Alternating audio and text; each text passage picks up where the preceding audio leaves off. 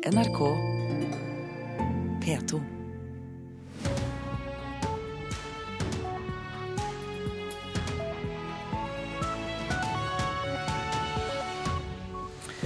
Endelig fredag og fridag for mange av oss. Etter klokka sju er fredag som fridag tema, men i Nyhetsmorgen nå klokka 6.30 er dette hovedsakene.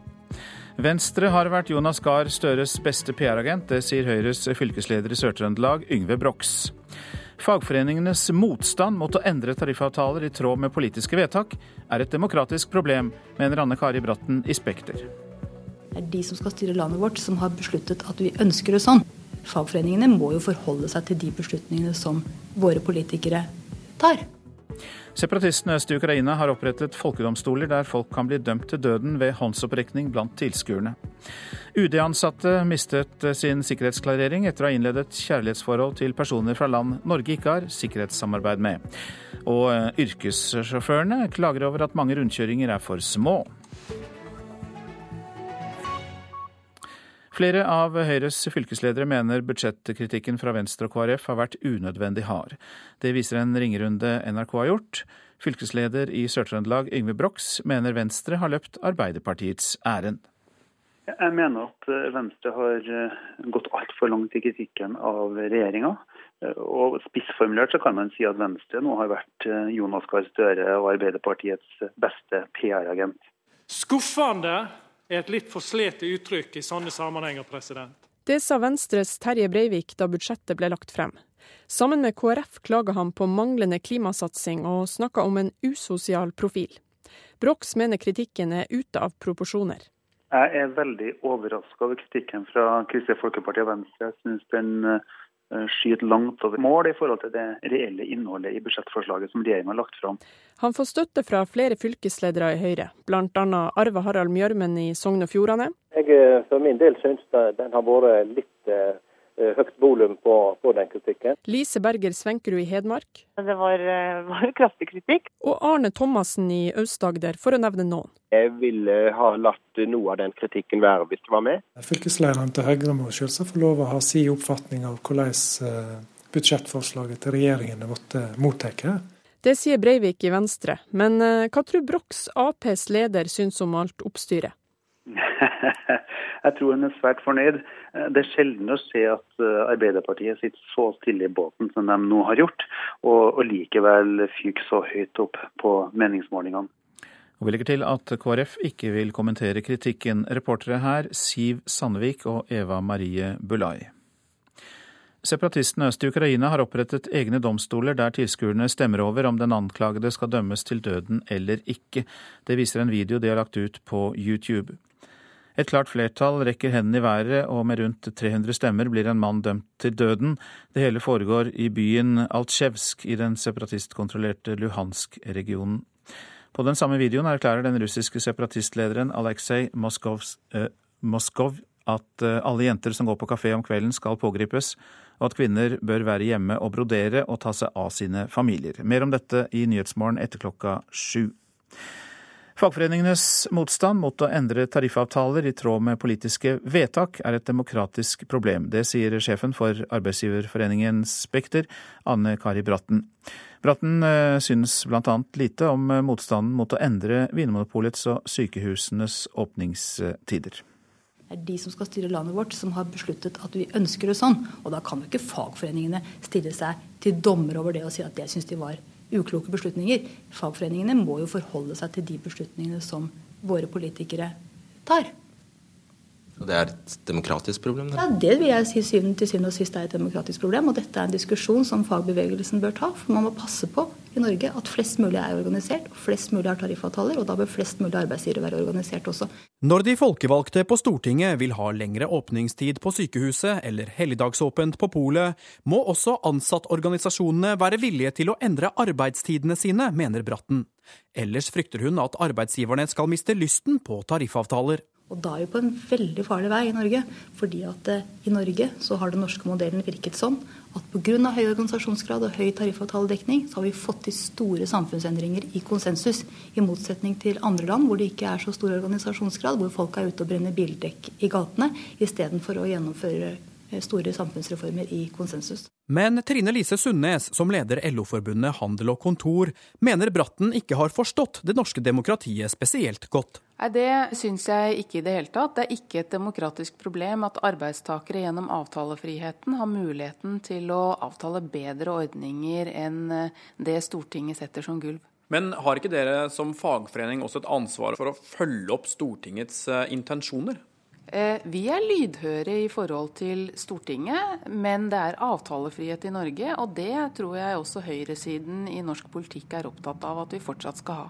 Sundnes mener Spekter-sjefen heller burde konsentrere seg om å bemanne virksomhetene, f.eks. sykehusene, på en skikkelig måte. Slik som jeg har forstått det, så har man jo her eh, faktisk kommet til enighet om økt åpningstider på sykehusene. Så vil det jo være opp til, blir det jo helt opp til arbeidsgiver da, å sørge for å fylle den tida de har, eh, har forhandla seg fram til. Og da må de jo ansette folk, da. Reportere her Halvard Norum, Fredrik Solvang og Hedvig Bjørgum. Mange norske helsearbeidere har de siste ukene meldt seg for å delta i kampen mot ebola i Vest-Afrika. Rundt 400 leger og sykepleiere ønsker nå å delta i hjelpearbeidet. Det er meg og en, eh, og en kollega som eh, hjelper en pasient. Sykepleier Turi Andreassen viser bilder fra oppholdet i Sierra Leone. Hun har akkurat kommet hjem til Bergen etter å ha jobbet fem uker på et Røde Kors-sykehus med ebolarammede pasienter. Vi hadde gravplass ved siden av sykehuset, sånn at det var at, at de som døde da, ble jo selvfølgelig da begravet. De siste ukene har antall norske helsearbeidere som vil bidra i kampen mot ebola, mangedoblet seg. Rundt 400 leger og sykepleiere har nå meldt seg til tjeneste for norske myndigheter for å reise til Vest-Afrika. Jeg synes jo det er imponerende, rett og slett. Ola Jøssendal i Helse Bergen har fått i oppdrag å koordinere Norges innsats mot ebola. De neste månedene skal 200 norske helsearbeidere sendes til Sierra Leone for å ta imot ebolapasienter på et norsk-britisk sykehus. Jøssendal gleder seg over alle som har meldt seg til tjeneste. Jeg tror at det er stor oppmerksomhet på at eh, det er en veldig alvorlig tilstand i Sierra Leone, og at folk har et eh, engasjement og et ønske om å kunne bidra. Det sier mye om den uh, idealismen som uh, norsk helsepersonell har. Det sier helseminister Bent Høie. Etter oppholdet i Sierra Leone skal sykepleier Turi Andreassen nå tilbake i sin vanlige jobb på barneklinikken på Haukeland sykehus. Men hun kommer til å ta flere oppdrag i utlandet for Røde Kors. Den nyttefølelsen det er, er, er veldig givende. Det er et sånt stort behov der å virkelig få lov til å hjelpe. Altså hvor det virkelig trengs. Reporter Kaspar Knutsen. Minst fire ansatte i Utenriksdepartementet har mistet sikkerhetsklareringen etter å ha innledet kjærlighetsforhold til personer fra land Norge ikke har sikkerhetssamarbeid med. Det skriver VG. Nasjonal sikkerhetsmyndighet, NSM, sendte i fjor sommer et brev til UD der de presiserte reglene for sikkerhetsklarering av ansatte i utenrikstjenesten, særlig knyttet til ansatte som innleder forhold til utlendinger. Og etter det mistet minst fire UD-ansatte klareringen, skriver avisen. Tre av dem jobber fortsatt i departementet, men adgangskortene er inndratt og de må fotfølges når de beveger seg rundt på arbeidsplassen. Finland er hardere rammet enn Norge av sanksjonene mot Russland, sier statsminister Erna Solberg, som er på besøk i Helsingfors. Hun deltar i dag på et samarbeidsforum mellom statsministrene fra Norden, Baltikum og Storbritannia. Der bl.a. utdanning er et viktig tema, forteller reporter Trude Bakke. Ja, når vi snakket med henne i går kveld, så sa hun at hun var spesielt interessert i å få noen tips om hvordan vi kan løfte universitetsutdanningene og gjøre dem bedre. For her er det mange land som er bedre enn oss, sier hun. Så hun håper å få noen innspill knyttet til det. Men så er det jo klart at det er jo et møte med de aktørene som er her. Det er klart det skjer mye i den store verden akkurat nå. Og hun var jo i møte med sin finske kollega Alexander Stubb i går ettermiddag. Og de diskuterte jo spesielt eh, konflikten Russland-Ukraina. For det er jo klart Finland er enda hardere ramma enn oss når det kommer til russiske sanksjoner.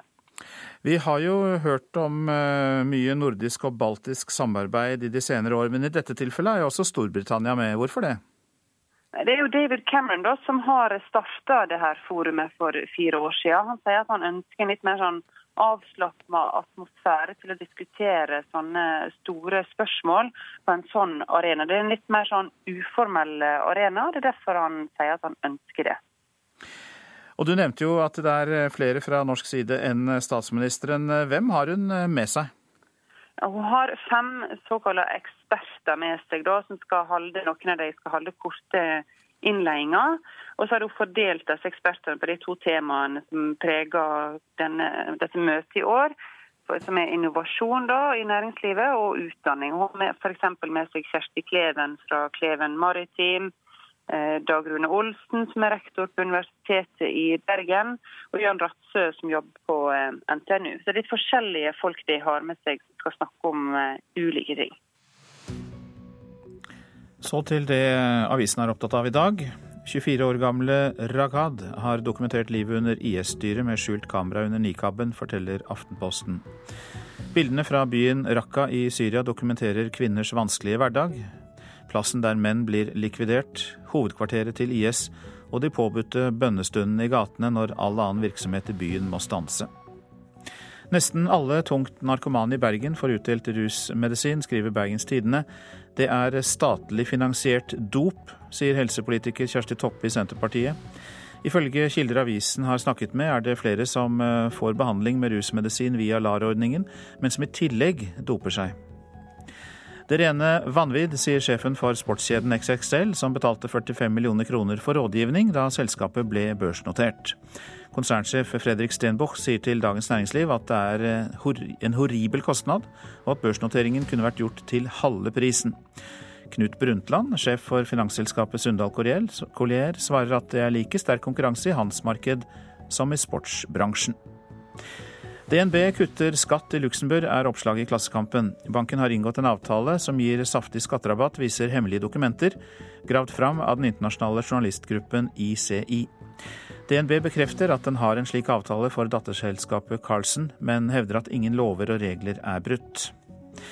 Sylvi Listhaug har endret loven for eh, før Stortinget har gått god for det, sier Arbeiderpartiets Knut Storberget til Nasjonen. Mange kommuner legger mindre vekt på pris når de skal godkjenne salg av gårdsbruk, etter at landbruksministeren sendte et brev til kommunene. Men priskontrollen for landbrukseiendom er ennå ikke endret av Stortinget, sier Storberget.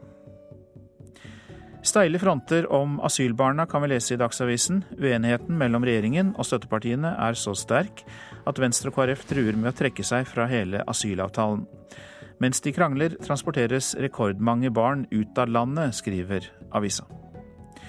Advarer mot delt bosted etter skilsmisse. Vårt Land refererer en psykologgruppe som mener at barn under tre år har det best dersom de bor fast hos en av foreldrene.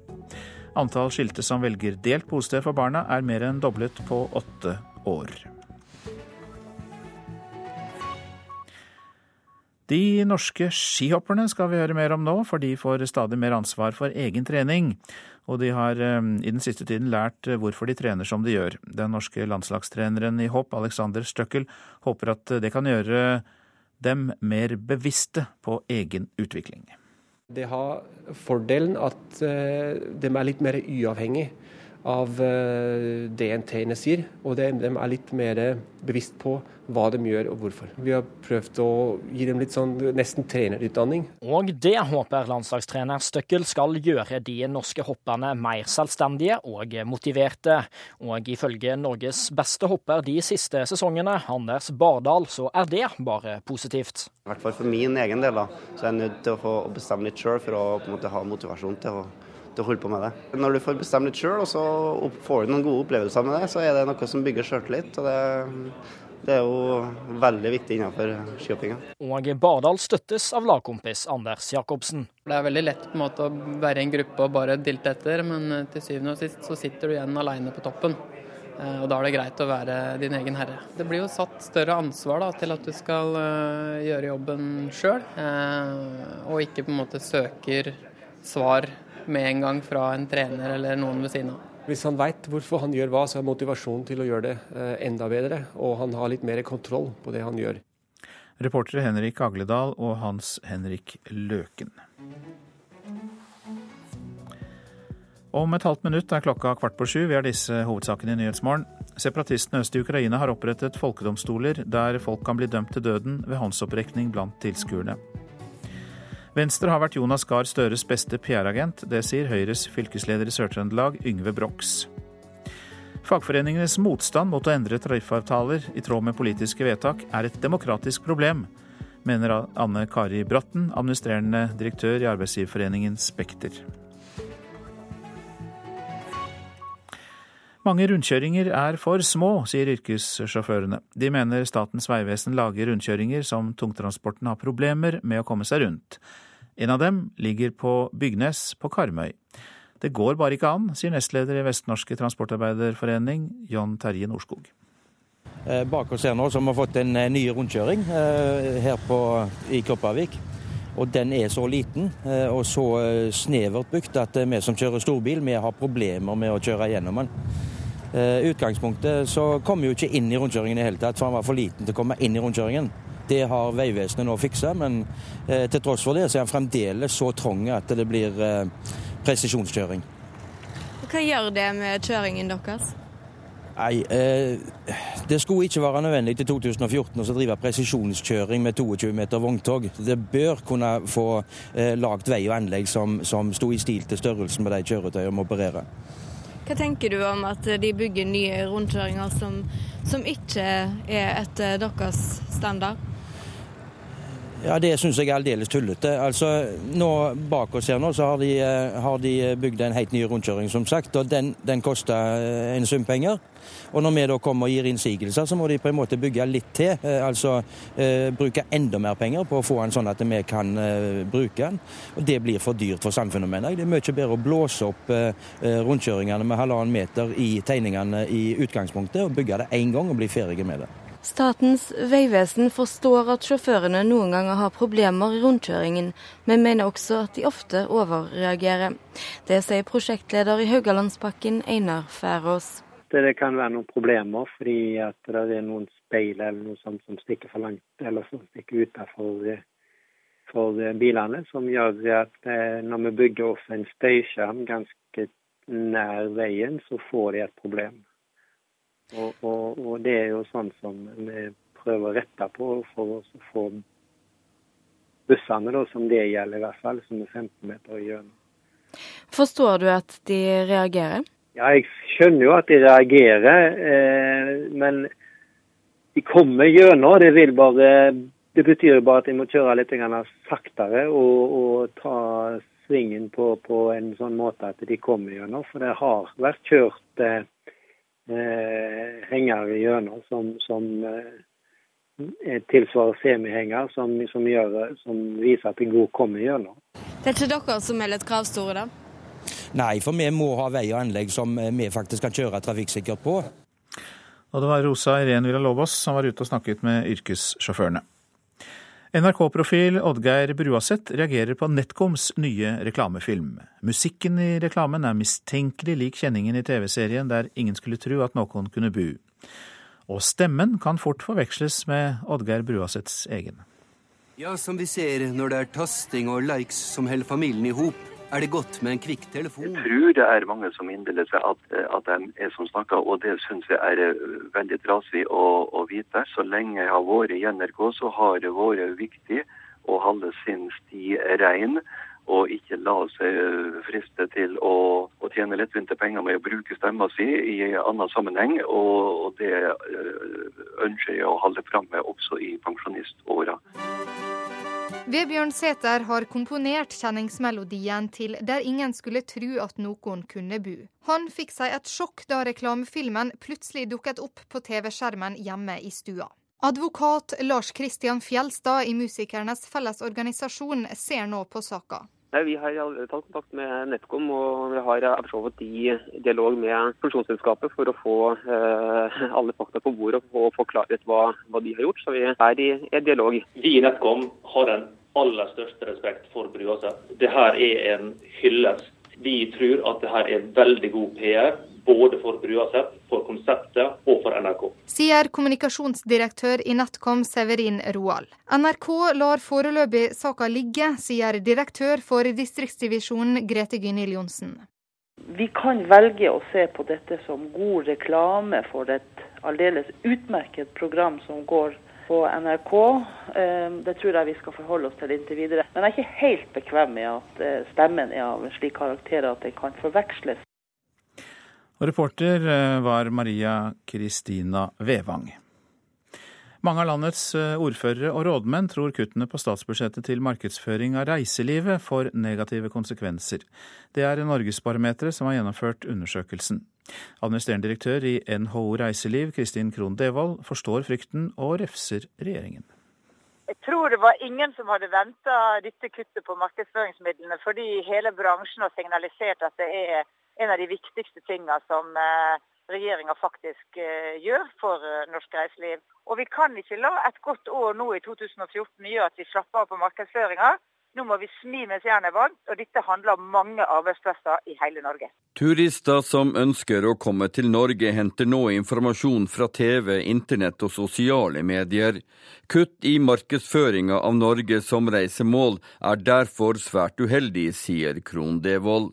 Så det å bruke midler på å være til stede ute i de mediene som publikum i den store verden leser, det har vært helt avgjørende for å få fart på bl.a. nordlysturismen. Den tidligere profilerte Høyre-politikeren refser sitt eget parti for å kutte i markedsføringa av reiselivet. Dette er en statlig oppgave, og da er selvfølgelig et kutt negativt for ei fremtidsnæring. Lyngen er kanskje den av Troms kommunene med størst klang ute i Europa når det gjelder reiseliv. Ordfører Sølve Jensen mener i likhet med Krohn Devold og en rekke andre ordførere at markedsføring av Norge som reiselivsnasjon er en statlig oppgave. Vi trenger den drahjelpa fra staten om å få midler til markedsføring. Vi er ikke kommet dit hen at, greier, at reiselivet sjøl greier å bære markedsføringa. Sånn at vi er nødt til å ha den hjelpa fra staten. Reporter her, det var Øystein Antonsen. Nå er det nok TV for unge folk. Ja, det mener både Pensjonistforbundet og Seniorsaken. De er opprørt over at TV-tilbudet til de unge stadig blir bedre, mens det ikke blir satset på seniorene, som tross alt ser mest på TV. I morgen har VG premiere på sin nye TV-kanal. Også den skal henvende seg til den såkalte internettgenerasjonen. Nei, det syns jeg ikke er noe særlig. Ja, Det er en del moderne der som ikke er helt med. Jeg vil gjerne ha litt av de gamle klassikerne. Jeg syns det er nok av disse kanalene som eh, fenger de unge. Og det kaller jeg for uh, tullekanaler. Godt voksne på gata i Oslo etterlyser en egen TV-kanal. For selv om nyhetskanalen VG, som sender for første gang i morgen, nok ikke skal være en såkalt tullekanal, skal også den ha en ung profil. Det bekrefter fungerende direktør i VGTV, Helje Solberg. Vi har nå sagt at vi skal eh, prøve å nå et yngre publikum. At det er retta mot ungdommer, syns vi er synd. Informasjonssjef Kristin Engelstad i Seniorsaken synes TV-tilbudet for godt voksne er for dårlig. Da var vel Kanskje er det nostalgiske tilbakeblikk med filmer som Vi gifter oss fra 1951 de eldre savner på TV, men mest av alt vil vi ha programmer med mer substans enn det ungdommen ser på, sier generalsekretær Harald Olim Nordmann i Pensjonistforbundet. Nedslagsfeltet er jo kjempestort, så hvorfor ikke folk tør å teste, ut en egen TV-kanal for, for godt voksne, det skjønner jeg ikke. Og voksne mennesker er jo en gruppe fra 50 år. Man regnes som senior, og det er jo helt klart at uh, mange har god råd. Kanskje bedre råd enn en 18-åring som sitter og ser på Paradise. Dennis og Kristin hooket opp på Paradise Hotel. Det er jo mest for uh, unger under 15, syns jeg, da. Og selv er du? 84. En 84-åring ser godt over dobbelt så mye på TV som en 18-åring, viser tall fra TNS Gallup.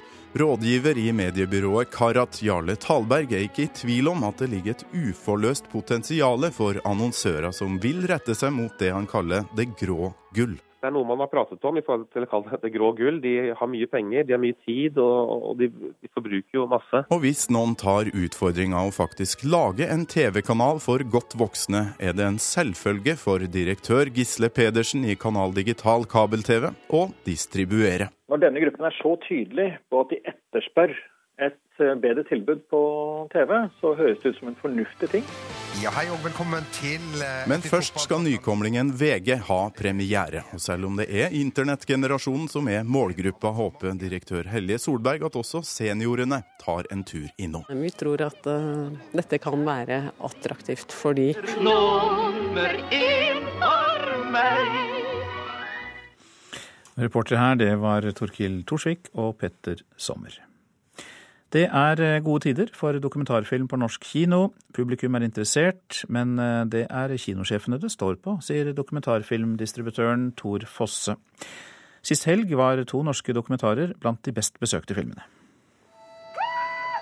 Bjørnøya er ikke en sånn øy man kan kjøpe en billett til. Men nordmenn kjøper gjerne billett til dokumentarfilm sier en fornøyd leder i distribusjonsselskapet Tour de Force, Tor Fosse. Norske dokumentarer går omtrent vel så bra som norske spillefilmer på kino. Vi må si at vi er veldig fornøyd med situasjonen. Så lenge kinosjefen er med på å vise dokumentarer, så kommer publikum.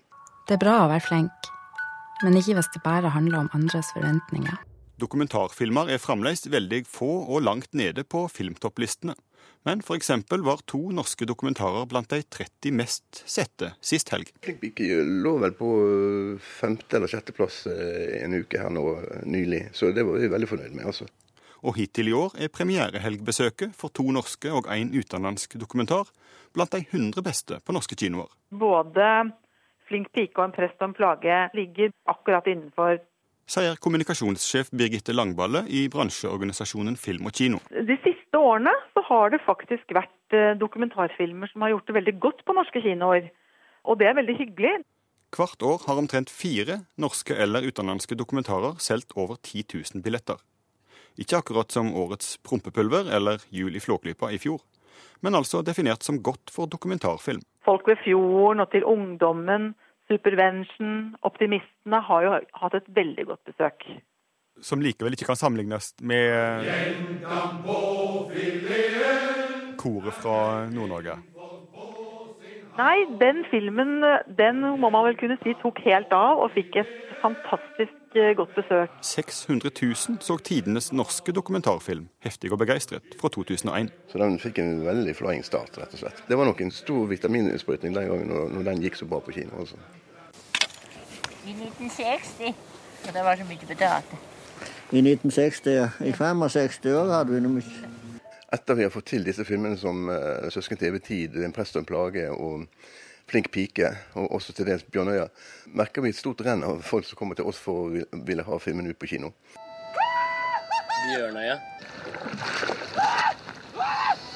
Hva er det man savner mest hjemmefra? Akkurat nå. Ligge på magen i et badekar. Veldig varmt vann. Og disse dokumentarglimtene de fikk vi av reporter Leif Rune Løland. Så går vi over til værvarselet fram til midnatt. Fjell i Sør-Norge. Stiv kuling utsatte steder. I kveld sterk kuling. Spredt snø i Langfjella, ellers opphold. Østlandet litt sludd eller snø i Vestfold. Utover ettermiddagen blir det det i hele området, og gradvis overgang til regn og yr i sør. Telemark litt spredd og sludd eller snø. Gradvis overgang til regn og yr. Om kvelden sørøst liten kuling. Agder. På kysten nordøst liten kuling. Vest for Lindesnes østlig stiv kuling. I ettermiddag dreier det Sørøst og vest for Lindesnes øker det til sterk kuling. Det blir, blir litt regn eller yr i Agder.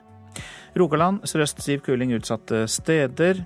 I ettermiddag og kvelden økende til sterk kuling og kan hende liten storm. Litt spredt regn lengst sør, ellers skyet eller delvis skyet oppholdsvær i Rogaland. Hordaland og Sogn og Fjordane sørøst stiv kuling utsatte steder. I ettermiddag økende til sterk kuling i Hordaland og oppholdsvær. Møre og Romsdal og Trøndelag sørøst liten kuling utsatte steder. Periodevis stiv kuling i Trøndelag, ellers stort sett pent vær. Nordland liten kuling utsatte steder. Fra i formiddag av og til stiv kuling, lettskyet oppholdsvær. Troms. Der blir det liten kuling utsatte steder, lettskyet oppholdsvær. I ettermiddag tilskyende. Finnmark sørlig stiv kuling utsatte steder. Fra i ettermiddag periodevis sørvestlig liten storm. Og det blir sterke vindkast, eh, faktisk opp i mellom 25 til 30 meter per sekunde i utsatte fjordstrøk i Øst-Finnmark i dag. Om kvelden kan hende full storm. Lettskyet oppholdsvær, om kvelden tilskyende. Nordensjøland på Spitsbergen østlig stiv kuling utsatte steder, snø og snøfokk. Temperaturer klokka fire. Svalbard minus fem, Kirkenes minus åtte, Alta minus ti, Tromsø minus tre, Bodø null, Brønnøysund 2, Trondheim 1 grad, Molde 3, Bergen 8, Stavanger 6. Kristiansand 1, Gardermoen og Lillehammer minus 3, Røros minus 13, Oslo-Blindern minus 1. NRK P2. Finanstilsynet ber alle med store lån starte nedbetalingen med en gang. Ordningen med avdragsfrihet kan forsvinne. Mange norske helsearbeidere vil kjempe mot ebola i Vest-Afrika. 400 har meldt seg. Her er NRK Dagsnytt klokken sju. Det har blitt ganske vanlig å droppe nedbetaling av lånet, advarer Finanstilsynet. Det kan føre til at myndighetene innfører avdragsplikt allerede neste år, ifølge en sjeføkonom. På ett av sju lån betales det nå bare renter. Det er eh, viktig at eh, lån som gis med høye belåningsgrader, eh, også gis med krav om avdragsbetaling fra første termin. Sier Finanstilsynets direktør Morten Baltzersen. Også varigheten av de avdragsfrie lånene har økt, fra tre til fire år i snitt. Snart kan derfor myndighetene bli tvunget til å gjøre mer enn å advare, tror sjeføkonom Jan Andreassen i Eika-gruppen. Det kan tenkes at vi får avdragsplikt på boliglån i løpet av neste år. Vi har sett det har kommet til Sverige. Husk, det er en grunn til at eh, rentene kommer ned, og det er jo fordi vi går dårligere tider i møte. Reporter eh, Sindre Heierdal. Rundt 400 leger og sykepleiere har de siste ukene meldt seg til norske myndigheter for å være med i hjelpearbeidet mot ebola i Vest-Afrika. Sykepleier Turid Andreassen kom nettopp hjem fra feltarbeid i Sierra Leone. Hun sier de som reiser må være forberedt på tøffe inntrykk. Du ser at eh, familier forsvinner, og små landsbyer halveres. og eh, barn helt alene som dør alene, eller blir sendt eller blir friske og skal reise hjem, og har ingen familie å reise hjem til. I Israel har myndighetene bestemt at jøder ikke får gå opp på tempelhøyden i Jerusalem for å be ved siden av Al-Aqsa-moskeen. Dette er et forsøk på å stanse uroen etter at ultraortodokse jøder har kommet med krav om å få be i området, som er hellig både for palestinere og jøder. Senest i går var det voldsomme sammenstøt mellom israelsk politi og palestinske ungdommer ved Al-Aqsa-moskeen, som spredte seg til gatene i gamlebyen. Taxfree-ordningen kommer først og fremst byfolk med lang utdanning og høy lønn til gode. Det viser den nasjonale reisevaneundersøkelsen. Det er fordi denne gruppen reiser mest, skriver Klassekampen. Taxfree-ordningen koster fellesskapet 5,6 milliarder kroner i året. Og både Venstre, KrF, Senterpartiet og Miljøpartiet De Grønne vil endre eller avvikle hele taxfree-systemet. NRK Dagsnytt var ved Ida Creed. Og her fortsetter Nyhetsmorgen. Finanstilsynet ber altså alle med store lån starte nedbetalingen med en gang. Vi spør Forbrukerrådet om det bør innføres forbud mot avdragsfrie lån. Fredag er ensbetydende med fridag for mange. Financial Times mener nordmenn er noen latsabber. Eller organiserer vi bare arbeidstiden bedre enn andre? Separatistene øst i Ukraina har opprettet folkedomstoler der folk kan bli dømt til døden ved håndsopprekning blant tilskuerne. Og korrupsjonsbeskyldninger mot EU-styrken i Kosovo. Stadig flere dropper nedbetaling av lån, og det advarer Finanstilsynet mot. På ett av sju lån betales det ikke annet enn renter, og det kan føre til at myndighetene innfører avdragsplikt allerede neste år, tror sjeføkonom. Men en slik tvang er ikke spesielt populært på gata i Elverum. Jeg syns det var veldig fint med avdragsfrihet for disse unge som skal bygge seg hus. Det er kjekt å få litt avdragsfrihet, for det er mye å betale. Det er altfor lett tilgjengelig med penger i dag. Ja ja, vi tar bare et lite lån. Vi bruker kredittkort. De går i fella, for å si det sånn. Og mens folk i Østerdalen er delte i sine bekymringer, øker antallet avdragsfrie lån i Norge. Nå betales det bare renter og ikke avdrag på 14% av alle lån. Det bidrar til at folks gjeld stadig vokser. Det er eh, viktig at eh, lån som gis med høye belåningsgrader, eh, også gis med avdrag, krav om avdragsbetaling fra første termin. Sier Finanstilsynets direktør Morten Baltzersen. Tilsynets tall viser at det ikke er slik i dag. 12% av alle som har lånt mer enn 70% av kjøpesummen, betaler ikke ned på lånet sitt. Men det bør de gjøre, sier Baltzersen. Det vil sikre også eh, kundene en buffer i dårlige tider. At de da eh, har mulighet til å skyve på avdragene. Hvis det er avdragsfrihet i utgangspunktet, så vil de ikke ha den bufferen. Også varigheten av de avdragsfrie lånene har økt, fra tre til fire år i snitt. Snart kan derfor myndighetene bli tvunget til å gjøre mer enn å advare, tror sjeføkonom Jan Andreassen i Eika-gruppen. Det kan tenkes at vi får avdragsplikt på boliglån i løpet av neste år. Sjeføkonomen påpeker at innføringen av en avdragsplikt vil bli tung å bære for mange boliglånskunder. Det er, det er liten fare for at boliglånsrenten vil stige. Det er fare for at du kan bli pålagt ubehagelige avdragskrav. Vi har sett det har kommet til Sverige, men da er det mer som en bransjenorm at man bør ha avdrag, enn at det er et lovpålagt eh, krav. Men fortsatt er avdragsfrie lån en mulighet for mange. Og det samtidig som lånerentene sannsynligvis vil synke enda lavere fremover. Folk lokkes til å bruke mer penger enn de har råd til på lang sikt. Husk, det er en grunn til at eh, rentene kommer ned, og det er jo fordi vi går dårligere tider i, i, i møte. Reportere her Sindre Heirdal og Knut Øyvind Hagen. Jorge Jensen, god morgen til deg. God morgen, god morgen. Du er fagdirektør for finans i Forbrukerrådet, og da går vi rett på sak. Forbud mot avdragsfrie lån, altså en avdragsplikt. Er det den riktige måten å beskytte folk mot seg selv? Altså, I utgangspunktet så høres det ut som et veldig sånn rigorøs sånn forbud. er nok, er nok litt tidlig å ta i Norge. Jeg hører jo at det blir henvist til Sverige her. og i Sverige så, så, var jo andelen folk som ikke betalte ned, langt høyere. Det var 43% i Sverige, og det, det, var 14 i Norge. Det er 14 i Norge. Mm. Og det tallet har vært uh, rundt 14 over en stund. Eh, men det er jo riktig, som, som også Finanstilsynet sier her, at eh, det er økonomisk lurt for forbrukere å betale ned på lån. Særlig nå hvor renta er lav, for da kan du ta større jafs av selve lånet. Men hva sier du til det som ble nevnt her om at folk lokkes inn i lån nå? Ja, Det sier jo også tilsynet som har studert de siste lånene som er gitt i Norge. De snakker om en liberal utlånspraksis. Eh, en bevegelse som var mer forsiktig for to år siden, og i fjor er nå snudd. Eh, det er flere som låner over denne magiske 85 %-grensa, som har vakt veldig mye debatt. Og ja, det kan godt hende at Finanstilsynet er nødt til å treffe noen grep. Eh, jeg tror gjør, Nå er det en retningslinje som tilsier at alle lån på over 70% av boligens verdi eh, skal ha nedbetaling som en standard. Men, altså avdraget må komme? Ja, må avdraget må komme. Men det er en retningslinje. Og det er vel det som kan skje, det er at man går over fra en retningslinje til en mer skarpere regulering. Eh, vi ser jo at de som eh, bankene her har en fleksibilitet i forhold til retningslinjene. Og selv de over 70% så er det da 12% som, som ikke driver på med nedbetalinga.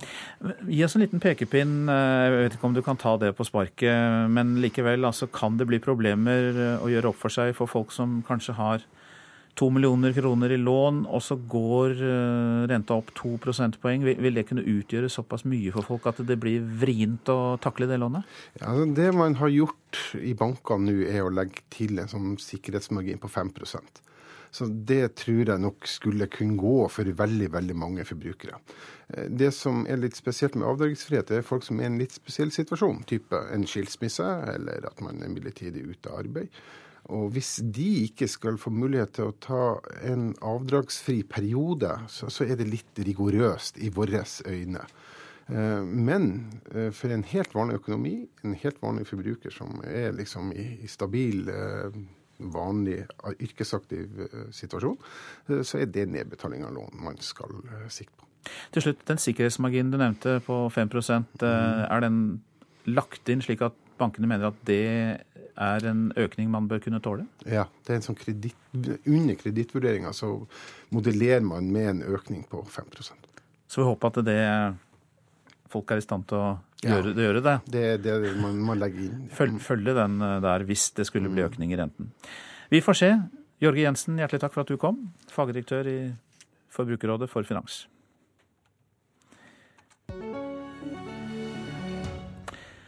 Fredag er det i dag, og det er ensbetydende med fridag for mange. Det vises jo tydelig i eh, morgenrushet.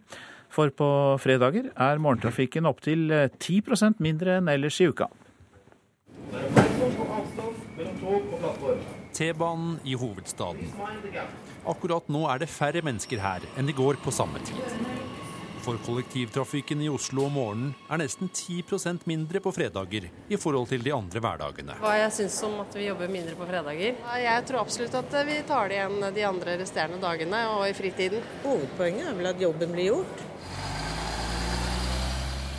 Oslo-tallene er ikke unike. På bussene i Sør-Trøndelag er passasjernedgangen på mellom 5 og 10 fredag morgen. Omtrent det samme gjelder for Bybanen og bussene i Bergen. Jeg syns det er en tendens at det er kø på fredager allerede klokka to ut av landet, ut av byen. At vi har ja, kanskje litt mye velstand. Jeg vet ikke om de gjør det. Jobber litt lenger for å få fri på fredag, muligens. Togtrafikken er også mindre nå i fredagsmorgentimene. På regiontogene inn til hovedstaden er det ca. 5% færre folk i dag. Og kjører du bil til jobb, finner du trolig lettere parkering nå. Antall bompasseringer i Oslo og Bærum er lavere fredag morgen enn ellers. Arild Steen, instituttdirektør ved Arbeidsforskningsinstituttet, peker på to hovedårsaker til at fredag har blitt fridag. For det første er det jo mange som jobber deltid, og mange av de foretrekker å ha fri på fredag. Og så er det mange som fått, eh, går over fra klokkestyrt arbeidstid til eh, oppgavestyrt arbeidstid. Og de kan styre mer av sin tid, og da er det mange som foretrekker å ta fri på fredag. Men det betyr jo ikke at de jobber mindre samlet sett. Er det bra eller dårlig for samfunnet? I hovedsak bra. Det er bra at arbeidstakere får styre mer sin egen tid. Og det er jo bra at køene på transportmidlene og på veiene blir mindre på fredager, og at vi får spredd trafikken. Hva syns du om at vi som folk jobber mindre på fredager og oftere tar langhelg, da? Eh, jag synes det passer liksom av og til. Det eh, verkar ganske skönt då, att man har muligheten og faktisk kan overleve og jobbe kortere fredager.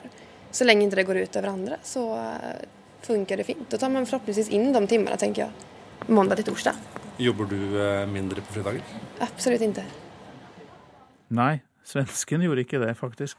Reporter Fredrik Lauritzen, og riktig god morgen til deg, Carl Fredrik Tangen. God morgen. Du er førstelektor ved Markedshøgskolen. Ja, dette er jo interessant. Nordmenn har omdøpt fredag til fridag, skriver den britiske avisen Financial Times. Den gjorde det tidligere i år. Og så har de til og med lagt til tittelen 'Norway Cruise Control'.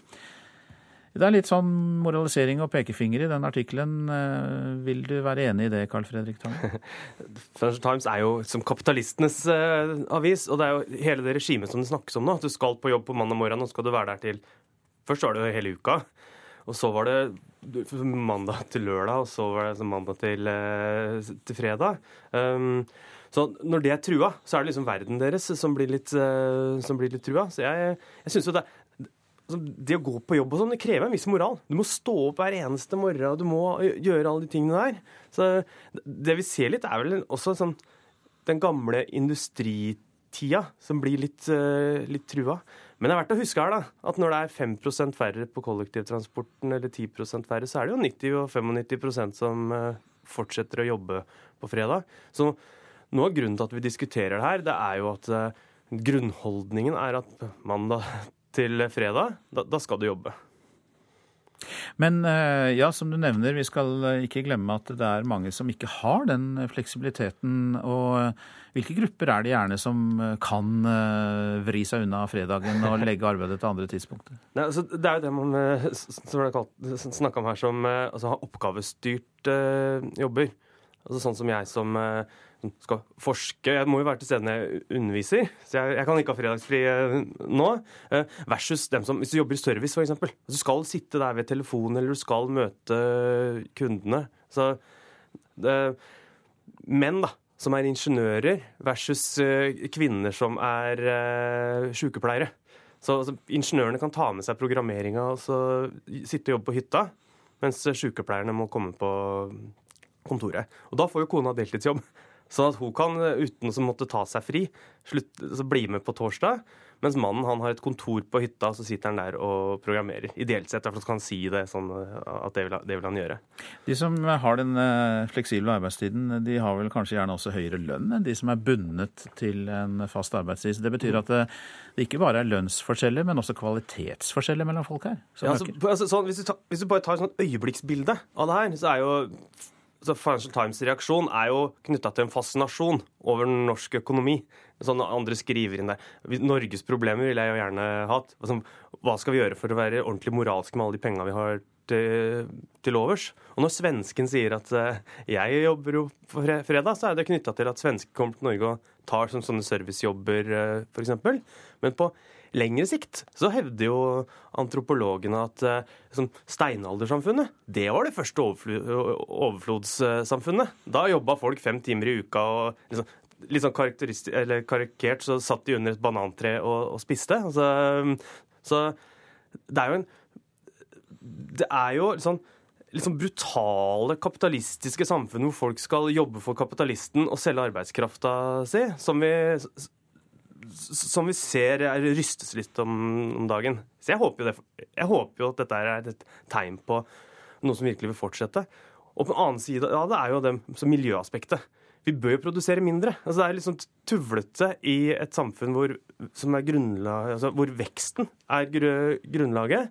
Så hvis folk nå liksom får kjenne gleden i å ha fri versus å jobbe, så hadde det kanskje vært lettere å kjempe inn som politiske tiltak som sier at det kommer til å bli mindre forbruk, men du får mindre jobb som belønning for det. Syns vi hørte en snev av anarkisme der, eh, Carl Fredrik Tangen. Takk skal du ha, førstelektor ved Markedshøgskolen. Klokka den nærmer seg 7.17. Vi har disse hovedsakene. Finanstilsynet ber alle med store lån starte nedbetaling med en gang. Økonom sier at det bør vurderes et forbud mot avdragsfrie lån.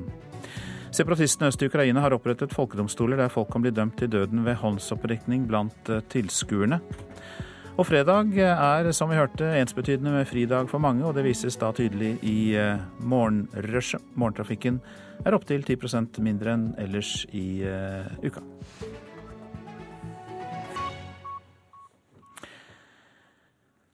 uka. Fredericia Mogherini er utenrikssjef i EU, og hun er så ny at jeg hadde litt vanskeligheter med navnet, men det stemmer sånn noenlunde, Roger Severin Bruland? Fredrik heter jeg. du har kommet hit, for eh, det er nemlig slik at eh, hun vil utnevne en uavhengig ekspert for å granske korrupsjonsbeskyldningene mot EU-styrken i Kosovo, for å gå helt over på det seriøse her. og det ble nylig hevdet at jurister som representerer EU, har tatt imot bestikkelser for å stoppe en rekke kriminalsaker, bl.a. en uh, drapssak. Uh, oppdater oss på det som har skjedd, uh, Roger Severin Bruland. Den britiske varsler Maria Bamé, som har jobba som aktor ved denne styrken, hun hevder det at tillitspersoner i denne misjonen har tatt imot til dels store bestikkelser opp mot tre millioner kroner for å slippe fri eller frikjenne en, en tiltalt morder. Eh, for å legge død et veldig tunge korrupsjonssaker som går inn i statsapparatet i Kosovo. Men eh, ikke nok med det. Eh, det kommer også skuldinger om at lokale journalister i Kosovo har blitt trua av ledelsen i denne her misjonen, når de har begynt å grave i det her. Så det er veldig store og, og tunge skuldinger som har kommet. Når du snakker om misjonen, så er det da EUs representanter i Kosovo. Hva slags oppdrag har de der egentlig?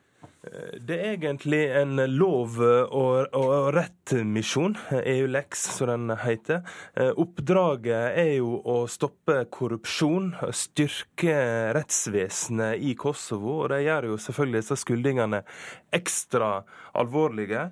Veldig, et veldig dyrt oppdrag.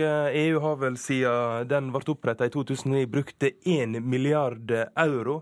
Det er et prestisjeprosjekt. Og jeg ser nå Guardian Guardian skriver at kanskje dette her er en av de største utenrikspolitiske skandalene på mange tiår i EU. Så det er jo, det er jo store ting, dette her.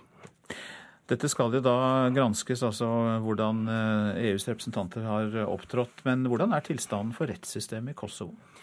Det var jo veldig ille da rundt 2000-tallet, og så har det gradvis blitt bedre. Eh, da var det jo eh, FN direkte som holdt hånda og styrte Kosovo.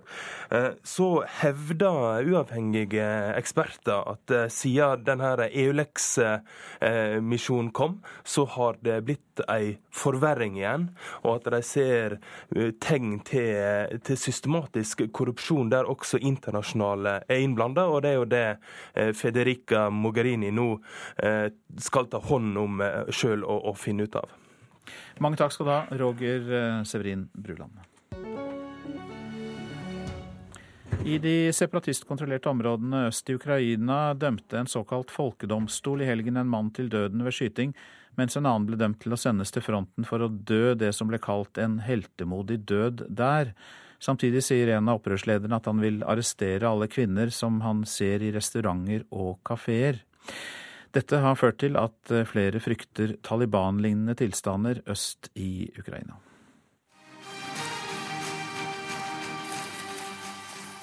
Til tonen av dyster filmmusikk ser vi en mann med bøyd hode blir ført inn i det som må være kulturhuset i den øst-ukrainske byen Altsjevsk. Tungt bevæpnede menn i kamuflasjeuniformer passer på, mens mannen blir ført opp på en scene, der han sammen med en annen mann får hodet presset ned i et bord. Folkedomstolen kan settes. En middelaldrende mann, også han i grønn uniform, ønsker med dyp stemme velkommen de rundt 300 frammøtte. De fleste er eldre. De har samlet seg for å avgjøre skjebnen til de to mennene på scenen. De skal begge ha forgrepet seg på mindreårige jenter. Og for å statuere et eksempel har de militære kommandantene i Folkerepublikken Luhansk tatt loven i egne hender. Vi er folkets forsvarshær, og vi ber dere som har kommet hit, avgjøre skjebnen til disse to menneskene som har begått disse alvorlige forbrytelsene, sier anklageren, mens kameraet sveiper over den nesten fullsatte salen. Samtidig som folkedomstolen samlet seg i Altsjevsk, prøvde lederne i de selvutnevnte folkerepublikkene Luhansk og Donetsk å vise at de nå prøver å normalisere situasjonen i de områdene de kontrollerer. 38 år gamle Aleksandr Sakatsjenko hadde skiftet ut sin militære uniform med dress og slips og avla eden som president i Donetsk på tirsdag, etter å ha vunnet valget som separatistene gjennomførte i helgen. Sakhatsjenko prøver nå å framstå som noe mer enn en tilfeldig feltkommandant som med Kalasjnikov i hånden har tilrevet seg makten. Mange mener han med dette også er en mann som Russland og president Vladimir Putin ønsker som leder for de prorussiske separatistene øst i Ukraina. Innsettelsen av Sakasjenko fikk da også brei omtale i russiske medier. Det har ikke bildene fra folkedomstolen i Altsjevsk fått, selv om bl.a. den uavhengige radiostasjonen Ekko Moskva har lagt dem ut på sine nettsider.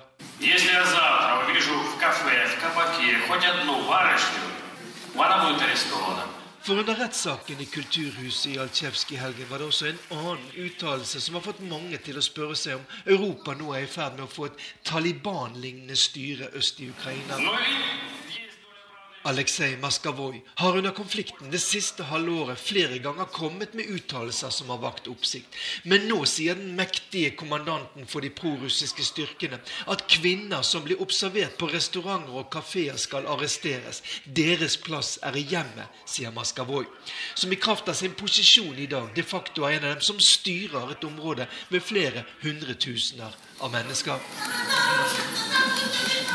Bildene fra rettssalen kan minne om et slags absurd teater. På første benk sitter det som trolig er moren til en av de tiltalte.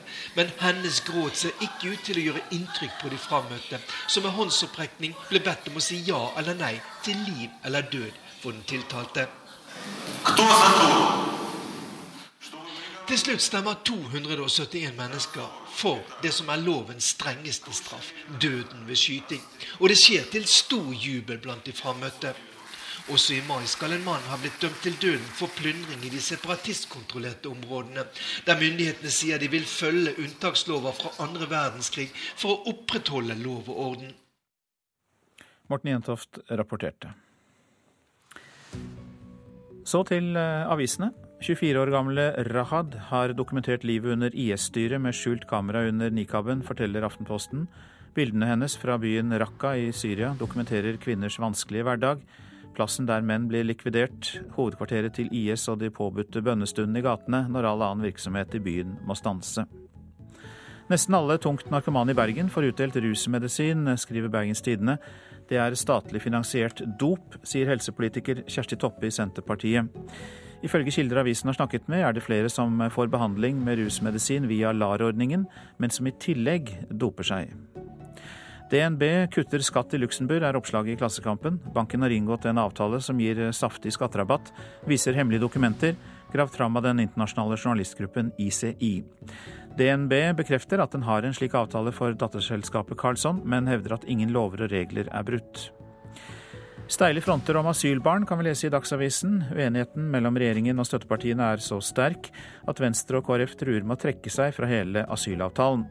Og mens de krangler, transporteres rekordmange barn ut av landet, skriver avisa advarer mot delt bosted etter skilsmisse. Vårt Land refererer en psykologgruppe som mener at barn under tre år har det best dersom de bor fast hos en av foreldrene. Antall skilte som velger delt bosted for barna er mer enn doblet på åtte år. Pasienter med angstlidelser kan få et dårligere tilbud. Spesialposten i Trondheim som tar imot eh, pasienter fra hele landet, kan nemlig bli lagt ned. Mette Larsen fra Sortland i Nordland er rystet over dette. Det er utrolig tragisk. Det er et uh, tilbud som jeg har fått et nytt liv pga. Østmarka. St. Olavs hospital avdeling Østmarka har i ti år bygd opp et fagmiljø som har spesialisert seg på angstlidelser. Bergen og Oslo har også slike fagmiljø, men med færre ansatte. Mette Larsen hadde vært i psykiatrien i 25 år da hun fikk tilbud om behandling i Trondheim.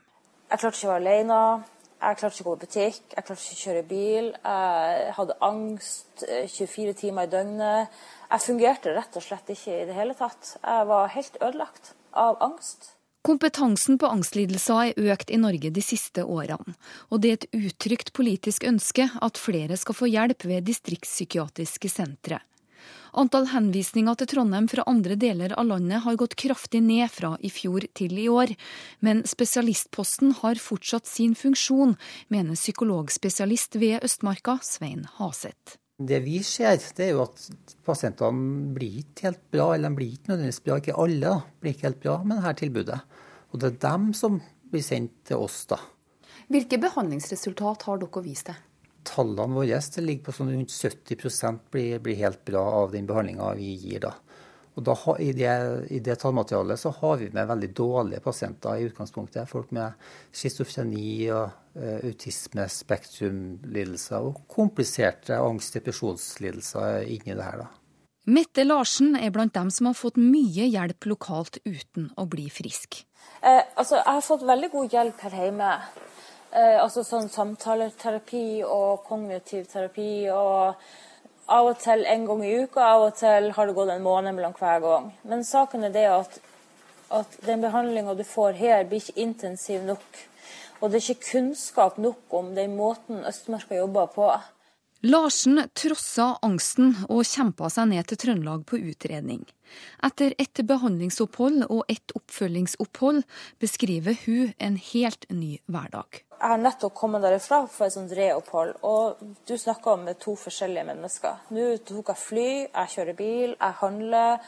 Jeg trener med folk som sliter, jeg holder foredrag, jeg er ute blant folk, jeg er sosial. Jeg har et helt normalt liv.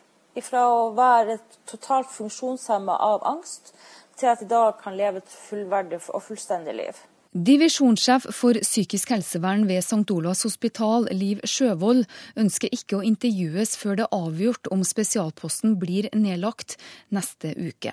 Hun poengterer at det polikliniske tilbudet skal videreføres, men at de vurderer å legge ned døgntilbudet. Tilbudet til gjester fra andre regioner vil i tilfelle falle bort. Sa reporter Elisabeth Skarru. Ja, du lytter til eh, Nyhetsmorgen. Produsent i dag Ingvild Ryssdal. Her i studio Øystein Heggen. Og I reportasjen etter Dagsnytt eh, så minnes vi at eh, søndag er 25 år siden Berlinmuren falt. Er den norske arbeidslivsmodellen i fare? Det blir debatt om dette i Politisk kvarter mellom arbeidsgiverorganisasjonen Virke og LO. Og det er altså kvart på åtte.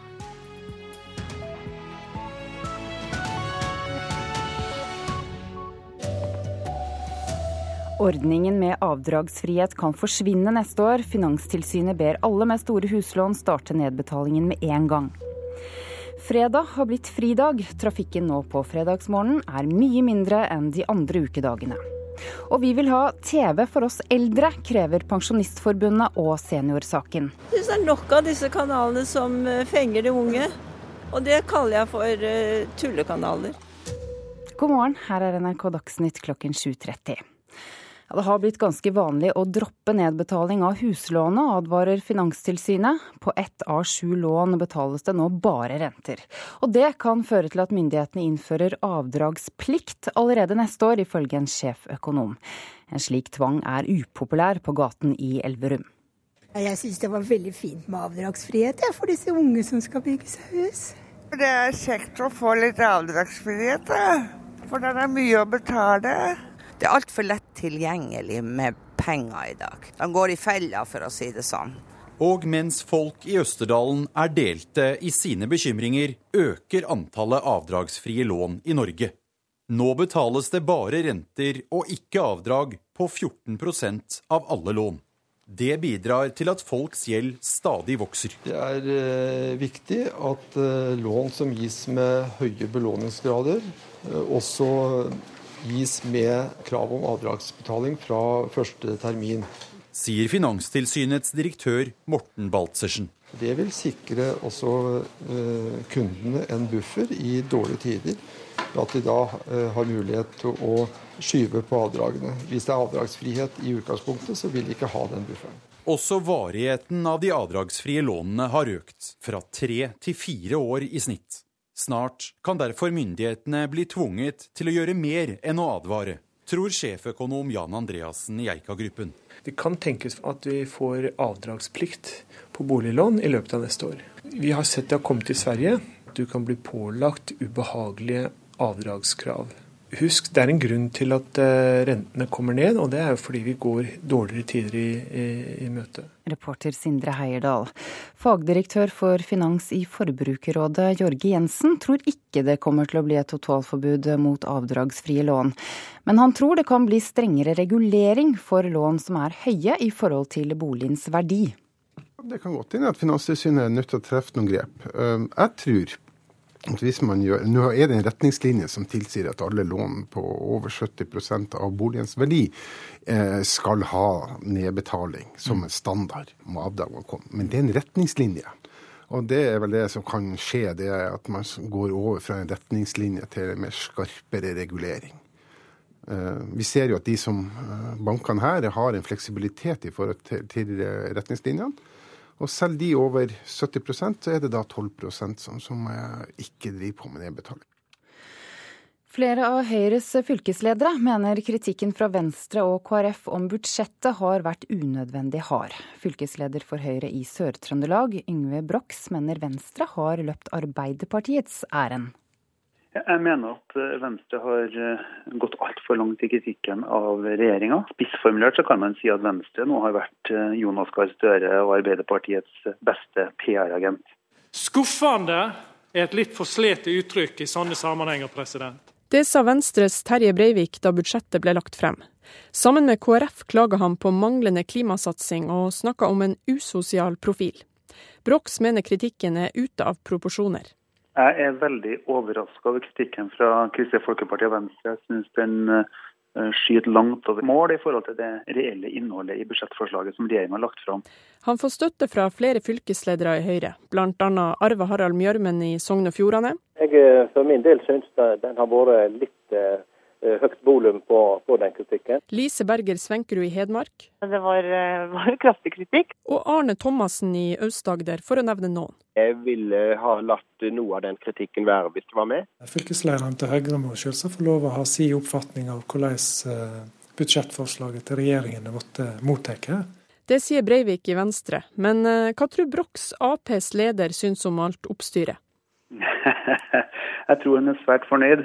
Det er sjelden å se at Arbeiderpartiet sitter så stille i båten som de nå har gjort, og, og likevel fyker så høyt opp på meningsmålingene. Reportere Siv Sandvik og Eva Marie Bulai. Et heleid datterselskap av DNB har fått kraftig skatterabatt i Luxembourg, skriver Klassekampen. Tax Justice Norge sier slike avtaler ødelegger for andre lands skatteinntekter, og reagerer på at et statlig eid selskap som DNB er innblandet. I går la International Consortium of Investigative Journalists ut 548 skatteavtaler som gir multinasjonale selskaper skatterabatt i Luxembourg. I dag møter du mindre trafikk på vei til jobb enn du gjorde i går, for eh, fredag er fridag for veldig mange nå, og det gjenspeiles i morgenrushet. T-banen i hovedstaden. Akkurat nå er det færre mennesker her enn i går på samme tid. For kollektivtrafikken i Oslo om morgenen er nesten 10% mindre på fredager i forhold til de andre hverdagene. Hva jeg syns om at vi jobber mindre på fredager? Jeg tror absolutt at vi tar det igjen de andre resterende dagene og i fritiden. Hovedpoenget er vel at jobben blir gjort. Oslo-tallene er ikke unike. På bussene i Sør-Trøndelag er passasjernedgangen på mellom 5 og 10 fredag morgen. Omtrent det samme gjelder for Bybanen og bussene i Bergen. Jeg syns det er en tendens at det er kø på fredager allerede klokka to ut av landet, ut av byen. At vi har eh, ja, kanskje litt mye velstand. Jeg vet ikke om de gjør det. Jobber litt lenger for å få fri på fredag, muligens. Togtrafikken er også mindre nå i fredagsmorgentimene. På regiontogene inn til hovedstaden er det ca. 5% færre folk i dag. Og kjører du bil til jobb, finner du trolig lettere parkering nå Antall bompasseringer i Oslo og Bærum er lavere fredag morgen enn ellers. Arild Steen, instituttdirektør ved Arbeidsforskningsinstituttet, peker på to hovedårsaker til at fredag har blitt fridag. For det første er det jo mange som jobber deltid, og mange av de foretrekker å ha fri på fredag. Og så er det mange som har fått, eh, går over fra klokkestyrt arbeidstid til eh, oppgavestyrt arbeidstid. Og de kan styre mer av sin tid, og da er det mange som foretrekker å ta fri på fredag. Men det betyr jo ikke at de jobber mindre samlet sett. Reporter Fredrik Lauritzen. Sport nå. Cecilia Brekkhus eh, frykter for norsk boksings fremtid. Det er fordi Idrettsforbundet sier nei til eh, proffboksing i Norge. Dermed kan det bli vanskelig for Brekkhus å få bokse på hjemmebane. Men det er ikke det hun eh, frykter mest.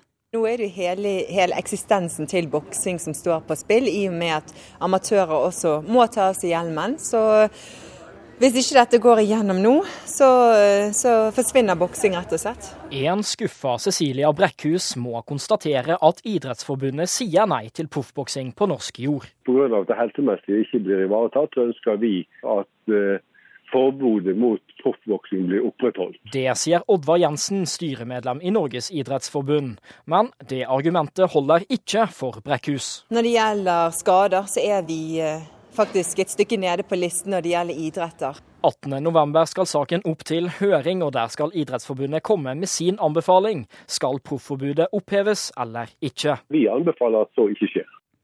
Reporter Henrik Agledal. Nå lages det nok TV for unge, mener både Pensjonistforbundet og Seniorsaken. De er opprørte over at det ikke blir satset på TV for seniorene, som tross alt ser mest på TV. Også de godt voksne NRK møtte på gata i Oslo, er lei. Jeg syns det er nok av disse kanalene som eh, fenger de unge. Og det kaller jeg for uh, tullekanaler. Ja, Det er en del moderne der som ikke er helt med. Jeg vil gjerne ha litt av de gamle klassikerne. Ja. I morgen er det premiere på en helt ny TV-kanal, nyhetskanalen VG. Også den skal henvende seg til internettgenerasjonen, ifølge fungerende direktør Helje Solberg. Vi har nå sagt at vi skal eh, prøve å nå et yngre publikum. At det er retta mot ungdommer, syns vi er synd. Kristin Engelstad i Seniorsaken og Harald Olim Nordmann i Pensjonistforbundet synes det er rart at det ikke finnes kommersielle kanaler for kjøpekraftige eldre. Hvorfor ikke folk tør å teste, teste ut en egen TV-kanal for, for, godt voksne, det skjønner jeg ikke. Det er jo mest for uh, unger under 15, syns jeg da. Og selv er du? 84. Rådgiver i mediebyrået Karat Jarle Talberg er ikke i tvil om at det ligger et uforløst potensial for annonsører som vil rette seg mot det han kaller det grå gull. De har mye penger, de har mye tid, og, de, de forbruker jo masse.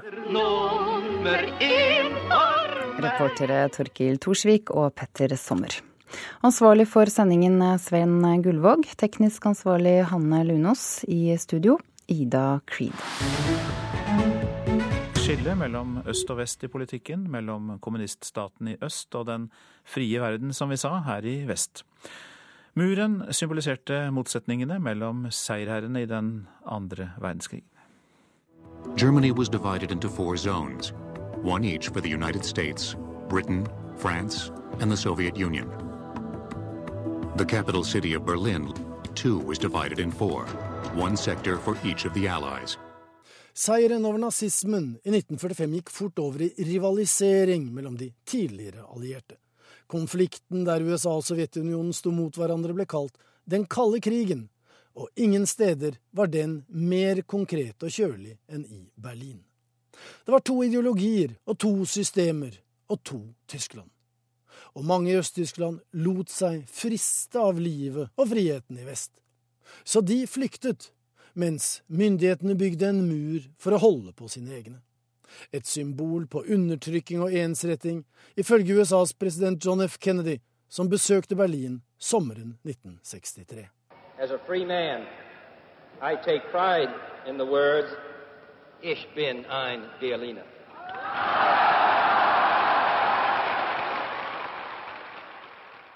En annen amerikansk president, Ronald Reagan, gjentok budskapet, om enn med andre ord og en annen adresse, men på samme sted, ved Brandenburger Tor 24 år senere. Mr. Gorbachev, tear down this wall. Amerikanere har en tendens til å overvurdere de to presidentenes betydning.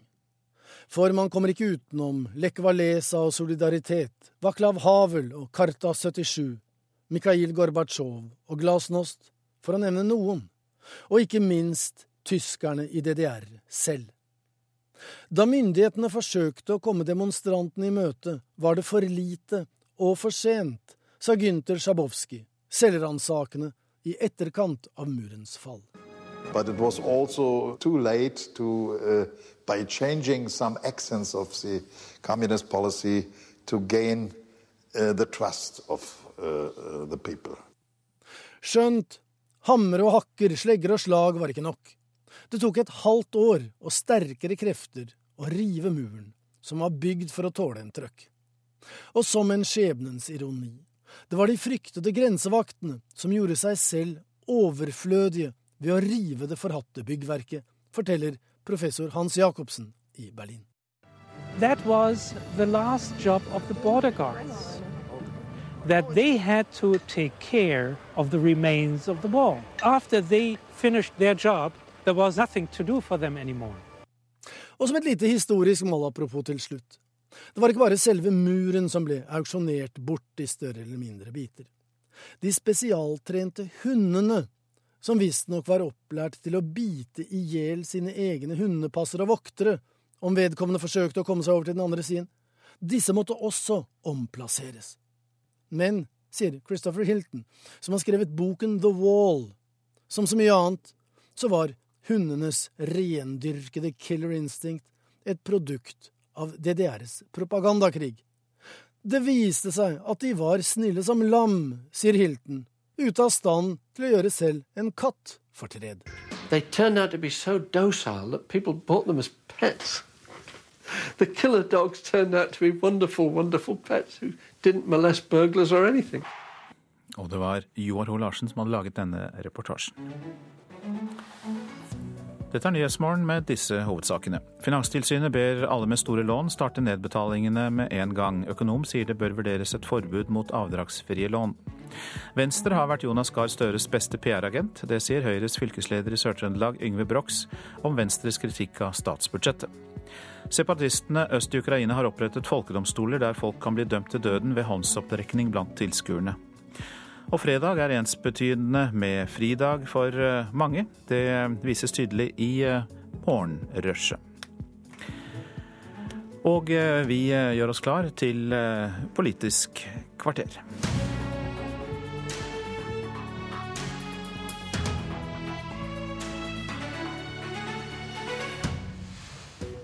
De sentrale organisasjonene i arbeidslivet bør gi fra seg makt, mener Virke, som er bekymra for framtida til den norske modellen. Miljøpartiet De Grønne har programfesta ikke-valgsprinsippet, men støtter norsk militært bidrag mot IS. Hvordan henger det sammen? Velkommen til Politisk kvarter fredag, der vi heller ikke har glemt budsjettforhandlingene. Denne veka har vi i P2s Nyhetsmorgen sett lys på fagforeningene sin makt. I dag har du hørt Spekter-leder Anne Kari Bratten hevde at fagforeningene blokkerer lovlige politiske vedtak, mens arbeidsgiverorganisasjonen Virke har kritisert fagforeningene for å glemme de som ikke er fagorganiserte. Vibeke Hammer Madsen, administrerende direktør i Virke, god morgen. God morgen. Du sier du er bekymra for den norske modellen framover. Hvordan det? Ja. I Virke så jobber vi med den norske modellen hver eneste dag. Eh, vi får mange nye virksomheter som ønsker å organisere seg. Men problemet er at det er færre arbeidstakere som eh, ønsker en tariffavtale. Eh, rett og slett fordi at de ser at de kan oppnå gode lønns- og arbeidsvilkår med sin leder på bedriften. Og undersøkelsene i virkemålet viser at det er et godt samarbeidsforhold mellom ledere og medarbeidere på arbeidsplasser. Hva bør vi gjøre med det, da? Bør arbeidstakerorganisasjonene og dere på arbeidsgiversida gi fra seg makt? Punkt én så er det viktig at vi som parter anerkjenner denne situasjonen. Eh, nå er det færre enn 19% av de unge under 25 år som har tariffavtaler, og faktisk blir det færre. Og Da inviterer jeg partene i arbeidslivet til å sette oss ned sammen og se hvordan kan vi da eh, jobbe med den norske modellen fremover, slik at både arbeidstagerorganisasjonene og arbeidsgiverorganisasjonene har representasjon og har legitimitet når vi jobber frem de gode nasjonale ordningene. For de må jo også treffe det mangfoldige arbeidslivet. Og da er jo spørsmålet tør vi å gi mer makt til våre ledere og medarbeidere på den enkelte arbeidsplassen. Nestleder i LO, Tor, Tor Arne Solbakken. Tør du det? Ja, dette har ikke noe med å gi fra seg makt å gjøre. Det er det Vibeke Madsen her snakker om, det er jo å promotere det avtaleløse arbeidslivet. Og det er jo en dobbeltkommunikasjon fra Virke her som er helt uh, utrolig. De har sjøl deltatt i dette Holden III-utvalget, skrevet under på at uh, den norske modellen, alt det den har gitt oss av fordeler, betydningen av den sentrale lønnsdannelsen. Og Hvis man vil den norske modellen, så må man også ville de pilarene den står på. Og det er jo fagforeningene og det organiserte arbeidslivet som er en av hovedpilarene her. Og fagforeningen og de tillitsvalgte er jo også det beste bollverket mot useriøsitet, sosial dumping og arbeidslivskriminalitet. Alt med, dette vil Virke kaste på båten. Vi skal høre med Madsen om det. Du promoterer det avtaleløse arbeidslivet. Ja, og slik blir jeg møtt når jeg tar opp den virkelighetsoppfatningen, er at vi har altså en todeling i samfunnet. 50% har tariffavtale, 50% har ikke tariffavtale. Og eh, Solbakken vet veldig godt at jeg er tilhenger av både sentral lønnsdannelse og frontfaget. Jeg har sett vært med å starte en yrkesorganisasjon. Men poenget er at vi må se virkeligheten og gjøre noe med den. Og ikke slik som i dag, hvor vi har en arbeidsmiljølov som fleksibiliteten er rettet inn til de som har tariffavtale. Og det betyr altså at 50% ikke blir anerkjent. Solbakken, hvis folk ikke vil organisere seg, så kan vel ikke svaret være tariffavtale, tariffavtale, tariffavtale? Da er det sånn at Vi har veldig liten erfaring i at folk ikke vil organisere seg. Det er sånn at De fleste som ikke er organisert, når vi har undersøkelser på det, så svarer de altså at de er ikke det fordi de ikke har blitt spurt. Det er vårt ansvar, det er vi nødt til å gjøre noe med, vi må bli flinkere. Og så har, tar Madsen feil i forhold til tariffavtaledekningen i Norge. Det norske arbeidslivet er over 70% dekka av tariffavtaler. I tillegg har vi allmenngjøring som, som, kommer på toppen av det. Så det er bare ett svar på dette, og det er å opprettholde det, det organiserte arbeidslivet. Madsen gjør seg indirekte til talsperson for sosial dumping og arbeidsmiljøkriminalitet. Det florerer i det avtaleløse arbeidslivet. På organiserte arbeidsplasser med tariffavtaler, det er ikke der man finner kjeltringstrekene. De finnes i det avtaleløse arbeidslivet. Nei, vet du hva? Nå er du for drøy. Eh, for det første så er tallene hentet fra en Fafo-rapport. Du snakker bare om eh, privat sektor og kaller det norsk arbeidsliv. Norsk arbeidsliv er også offentlig sektor. Jeg... Da er avtaledekningen over 70 ja, Vet du hva? Jeg forsøker hele tiden å snakke om en todeling. Og naturligvis skal vi ha med oss hele offentlig sektor videre, som er mer enn 80% organisert. Og deler av detaljhandelen er også det. Men store deler av privat sektor så er det ikke eh, slik. Og jeg utfordrer dere til å se se virkeligheten og ta med seg dette. Og når du snakker om useriøse virksomheter og ikke det organiserte, i Virke er bedriftene våre organisert. 18 500 virksomheter er organisert, og flere arbeidsgivere kommer til, og de er en del av den norske modellen. Og det er jo akkurat dette som vi må ta inn over oss, og finne en løsning sammen. Vi i Virke vi kan fortsette å gjøre det også alene og hjelpe de som gode arbeidsgivere, men jeg tror på den norske modellen, og det betyr trepartssamarbeid, og det betyr to, topartssamarbeidet. Og da er ikke svaret tariffavtaler. Da må vi også kunne finne frem til gode løsninger sammen. Solbakken, LO vil kanskje ikke gi fra seg makt og posisjoner frivillig? Frivillig. Dette har ikke noe med makt og posisjoner å gjøre. Dette har med hvordan man organiserer arbeidslivet. Hvordan hovedavtalens regler har eh, vært lagt til grunn i norsk arbeidsliv siden 1935. Hvilke resultater vi har oppnådd med det. Og når Madsen sier at eh, arbeidsmiljølov, arbeidsmiljøloven er laga for de organiserte, så er jo nå ute på høring en pakke fra Robert Eriksson som er en ren subsidiering av det avtaleløse arbeidslivet. Nei. er de som ikke har tariffavtale, får gavepakke etter gavepakke gavepakke etter gavepakke fra regjeringa. De kan hoppe bukk over den ene bestemmelsen etter den andre. Sånn at eh, Vibeke Madsen har jo nå fått gjennomslag for det hun har snakka om i Stortinget i årevis. Vi må altså nedprioritere organiserte arbeidsplasser. Vi må løfte opp det halvgangsterskiktet våre. Jeg tror vi var et lite stykke unna enighet i denne runden. Takk til Vibeke Hammer Madsen og Tor Arne Solbakken.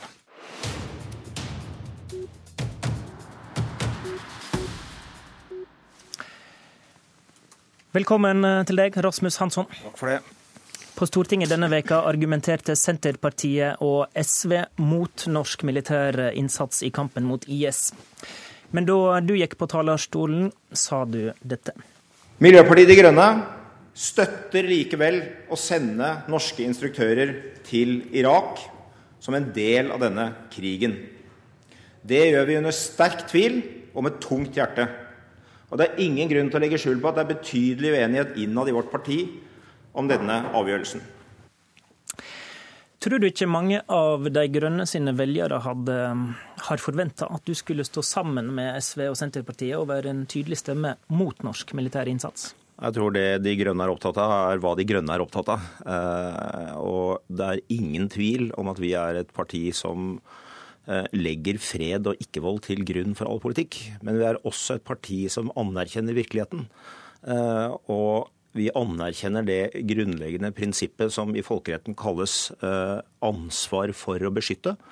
Dvs. Si at når det oppstår en situasjon hvor det skjer folkemord eller lignende overgrep, og hvor en stat ikke greier å beskytte sine egne, så har faktisk det internasjonale samfunnet en plikt til å hjelpe til. Og det er den plikten som gjør at vi, som jeg sa, med meget tungt hjerte finner ut at dette er vi nødt til eh, å bidra til. Og Du fortalte her om et delt parti. Du er alene på Stortinget. Dette standpunktet til militært bidrag er gjort av de tre i arbeidsutvalget. Eh, hvordan merker du at partiet ditt er delt i spørsmålet?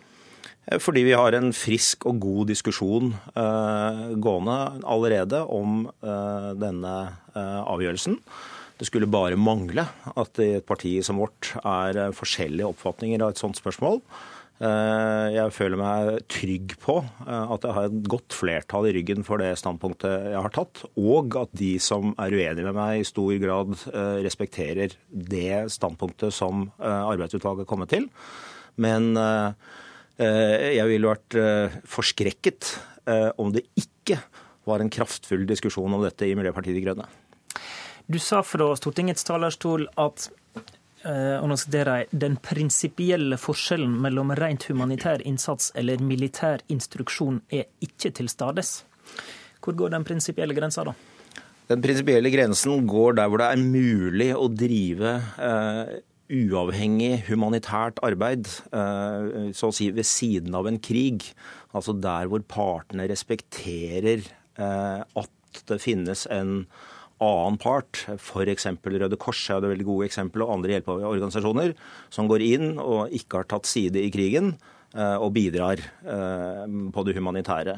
I dette tilfellet er det snakk om en invasjon fra IS som uttrykkelig ikke respekterer folkeretten, ikke respekterer menneskerettighetene og betrakter humanitært personell som fiender. Dvs. Si at det skjer ikke noe annet enn en krig. Eh, og skal man drive humanitært arbeid, som jeg har understreket meget kraftig at fortsatt må være Norges hovedoppgave, og en enda større oppgave nå når vi går inn med eh, militært eh, instruksjonspersonell, så kommer man ikke unna å være en eller annen form for del av den militære operasjonen. Fordi den typen arbeid er nødt til å skje i tilknytning til den militære operasjonen. og Derfor så sier jeg i dette tilfellet at her er skillet borte. Så selv om partiprogrammet dere eh, programfester ikke-valgsprinsippet, som skal ligge til grunn for alle områder av politikken, så må dere støtte militær innsats her? Altså, Programmet vårt sier uh, rimeligvis begge deler. Det sier at vi legger fred og ikke-vold til grunn for uh, alt vi gjør, og det er selvsagt det overordnede målet med alt Eh, av sånn all, eh, alt politisk engasjement fra Miljøpartiet De Grønnes side i konflikter. Men det finnes altså situasjoner hvor det faktisk pågår en krig. Eh, og det er det som også er, som jeg viste til innledningsvis, som er anerkjent i folkeretten. Da oppstår det en situasjon hvor fravær av krig ikke er den eneste fredsløsningen, og hvor man har et ansvar for å delta i å beskytte mennesker. Og i den situasjonen som eh, IS har skapt i Irak, eh, i tillegg til i Syria og andre steder, så har vi dessverre ikke noe annet valg enn at noen må ta kampen opp mot IS. Og det gjør noen. Norges spørsmål er skal vi bidra i den kampen eller ikke. Og det tror jeg dessverre at vi må. Takk til deg, Rasmus Hansson. Regjeringa og støttepartiene holder fram med forhandlingene på fjerde dagen. I dag har vi hørt stemmer fra Høyre-grasrota som er kraftig irriterte over all kritikken de har fått fra samarbeidspartiene Venstre og KrF.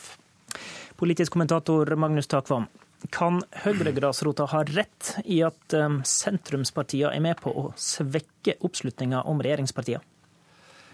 Altså, jeg tror at eh, kjernen i den konflikten og det bråket som har oppstått rundt budsjettet, rett og slett er eh, stor politisk avstand på en del viktige punkter som går på skattepolitikk, sosial profil, klima- og miljøpolitikk. Det kombinert med dårlig politisk håndverk både fra Høyre-Frp-regjeringen og for så vidt fra aktører eh, i, sentrum. Eh, sånn at summen av dette har gitt, som vi har sett på målingene, Arbeiderpartiet drahjelp så det holder. Men da er det kanskje lite smart å fortsette denne offentlige skyldfordelingen eh, etter at eh, de på toppen prøver å snekre sammen et eh, kompromiss nå bør man liksom bruke kreftene på andre ting, eh, føler jeg. Bør uh, Høyre grasrota kunne, med samarbeidsavtalen i bunnen kunne kreve at Venstre og KrF er litt mer lojale utad, da? Altså, Samarbeidsavtalen gir ikke noe presis eh, instruksjon om det, men den, den, har jo en slags sånn tillits... Uh, uh, mantra i, i, bunnen. Det ligger jo til grunn at partene, som det står flere ganger, liksom, har eh, blitt enige om en avtale eh, og har gjensidig tillit til hverandre. sånn at på den måten så er det selvfølgelig eh, lite bærekraftig hvis man i alle politiske konfliktsaker går til de grader ned i skyttergravene. Eh, men man kan ikke med samarbeidsavtalen i hånd, i hånd forby selvstendige partier og kritisere f.eks. et statsbudsjett. Takk til deg, Magnus eh, Takvam. Forhandlingene holder fram inn i helga. Det var Politisk kvarter. Hør flere podkaster på nrk.no podkast.